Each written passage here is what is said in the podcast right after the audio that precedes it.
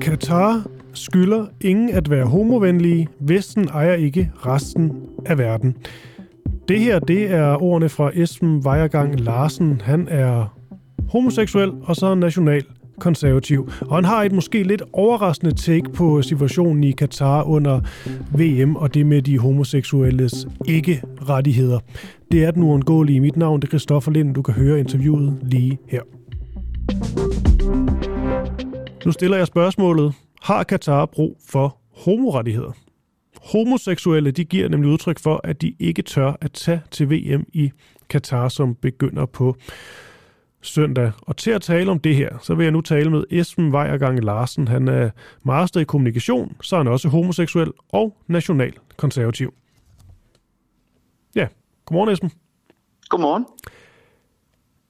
Vil du egentlig sådan selv, hvis jeg nu øh, gav dig en billet i dag, og så kunne du tage til øh, Katar, vil du så turde tage dig ned og se noget, øh, se noget bold og være der i en måneds tid? Nej, det tror jeg måske ikke, jeg vil. Jeg vil nok heller have fantastisk meget lyst, men, men, men, øh, men det, som måske adskiller mig fra andre homoseksuelle, det er, at jeg forventer heller ikke, at jeg skal kunne rejse til alle dele af verden øh, og blive accepteret og hyldet for at være homoseksuel. Okay. Jeg har lige sådan en... Øh, lidt fra en Twitter-tråd, så nu, øh, mm. jeg nu øh, lader andre blive en del af her.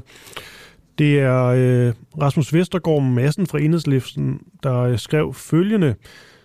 Jeg får kvalme af den danske hygge, når folk insisterer på, at fodboldpolitik intet har med hinanden at gøre. For det har det, når min kæreste og jeg ikke kan tage til Katar, og når migrantarbejderne er døde af varme. Det er sgu ikke hyggeligt, det er et politisk problem. Kæmpe politisk problem da. Du svarede så på det her. Katar skylder ingen at være homovenlige.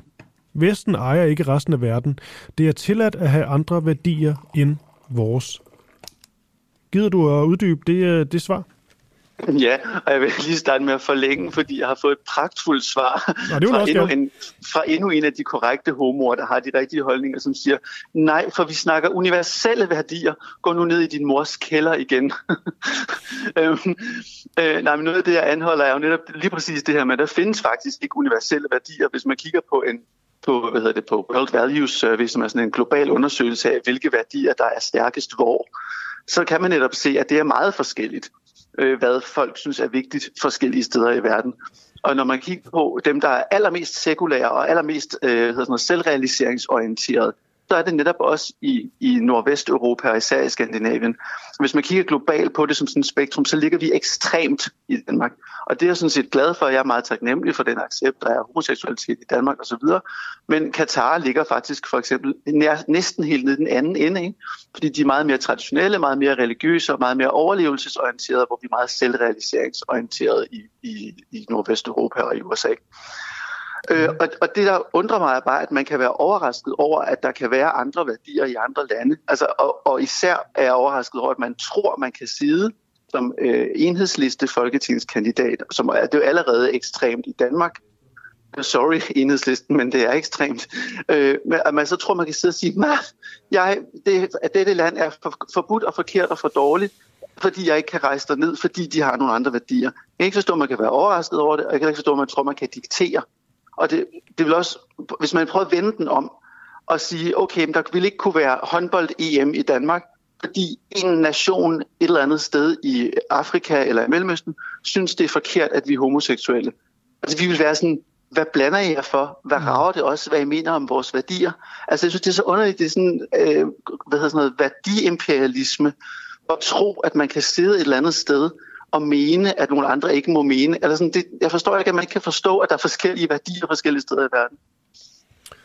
Nej, jeg tror, det der ligesom måske overraskede os, og sikkert også andre, der læste det her svar, det er jo det med, at du øh, øh, selv er, er, er homoseksuel.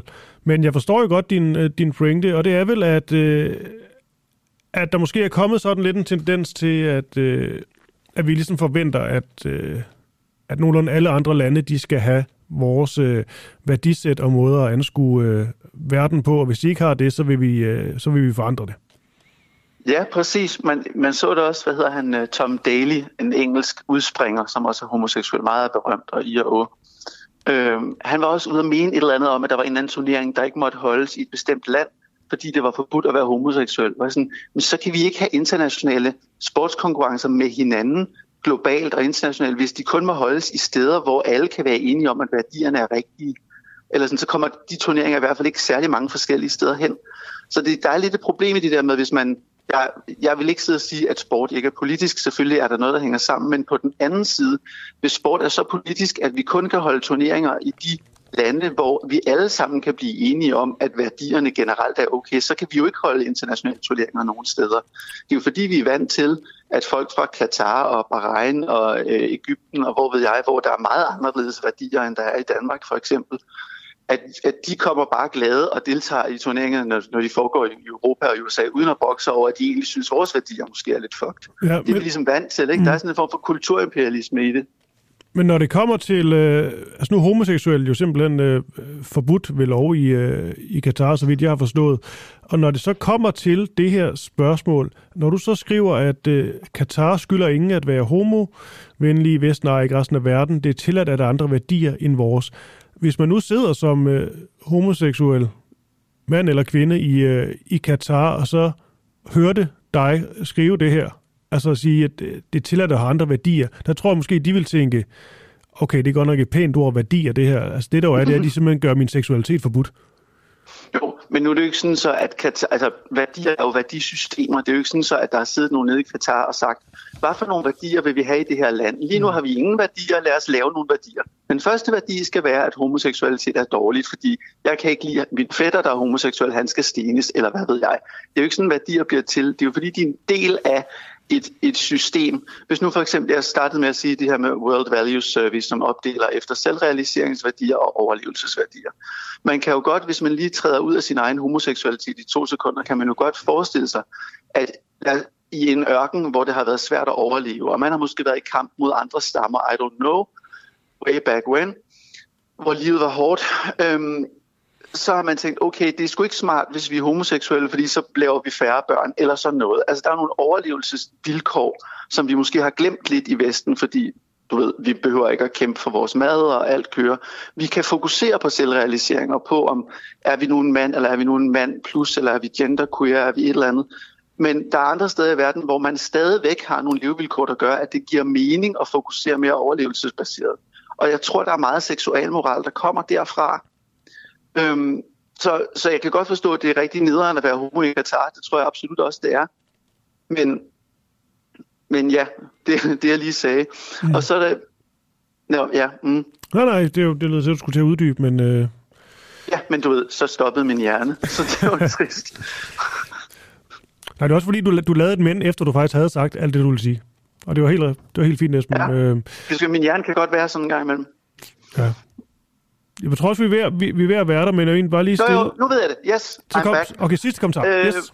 Ja, og det er fordi, nu, jeg, der, det bliver også sagt, at jeg er nationalkonservativ. Noget af det, der gør, at jeg synes, at jeg kalder mig selv nationalkonservativ, er også fordi, jeg synes, at nationer har lov til netop at have de værdier, de har. Altså, jeg synes, der er et eller andet lidt for rich i, at vi, det kan godt være, at der sidder en homoseksuel Katar, har det helvede Der sidder sikkert også en øh, hvad ved jeg, en kapitalist i Nordkorea har det helvede til. Problemet er bare lidt, vi kan ikke, igen, vi kan ikke sådan øh, kulturimperialisere ud i alle nationer.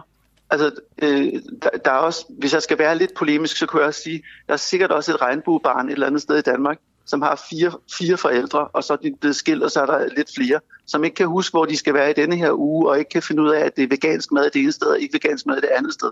Altså, alle værdier har konsekvenser. Ikke, ikke, ikke alle, der er lykkelige hele tiden, og det er ikke fordi, jeg sidder og siger, at det, vi skal bare øh, skide på, øh, at der er homoseksuelle, der har det dårligt, men på en eller anden måde er der grænser for, hvor meget vi kan blande os i, hvordan folk skal have, og skal have det at leve i andre lande også selvom det har nederen konsekvenser. Der er jo masser af lande, måske næsten de fleste lande i verden, hvor vi som danskere vil sidde og sige, okay, kvinder og børn og dyr og homoseksuelle og transseksuelle og alt muligt, de har det for dårligt i forhold til, hvordan de burde have det, sammenlignet med, hvordan vi ville have det skulle være. Men vi bestemmer bare ikke over de lande, og derfor er vi nødt til at, altså, i et eller andet omfang at passe vores egen biks. Ja, så er nogen, som mener, at det vi har brug for, det er øh, på en måde øh, skabe nogle forandringer og vise, hvordan vi gør det på. Men så bliver det selvfølgelig også sådan en, vi gør det rigtigt tankegang. Men Esben, vi, vi når desværre ikke mere. Det var en spændende snak. Mm. Esben Weiergang Larsen, øh, master i kommunikation. Så er du også homoseksuel. Det er jo ikke, fordi det normalt er vigtigt at sige, at du er homoseksuel, men lige i den her sammenhæng, der er for lige nævnt, ikke? Og, jo, det giver øh, ekstra mening. og national konservativ, kalder du dig selv. Og jeg tror egentlig bare, ja. det var det. God dag. Ja, god dag. Hej. Hej. Ja, det er ind i appen Find en uafhængig morgen og hør begge timer fra det her øh, program. Der var flere gode interviews. Blandt andet så talte vi med Peter Ernstved fra, øh, fra Olfi, som talte om, at han mener, at det er også en sandsynlighed, at det altså var amerikanerne, som sprængte de her Nord Stream gasledninger. Det har ellers mere været sådan fortællingen, at det må være russerne, som øh, stod bag hele den debat, den udfolder vi i det her program. Lige lyttet til den uundgåelige fra den uafhængige. Tak til vores medlemmer for at gøre det muligt. Du kan støtte kritisk og nysgerrig journalistik ved at blive medlem på www.duah.dk.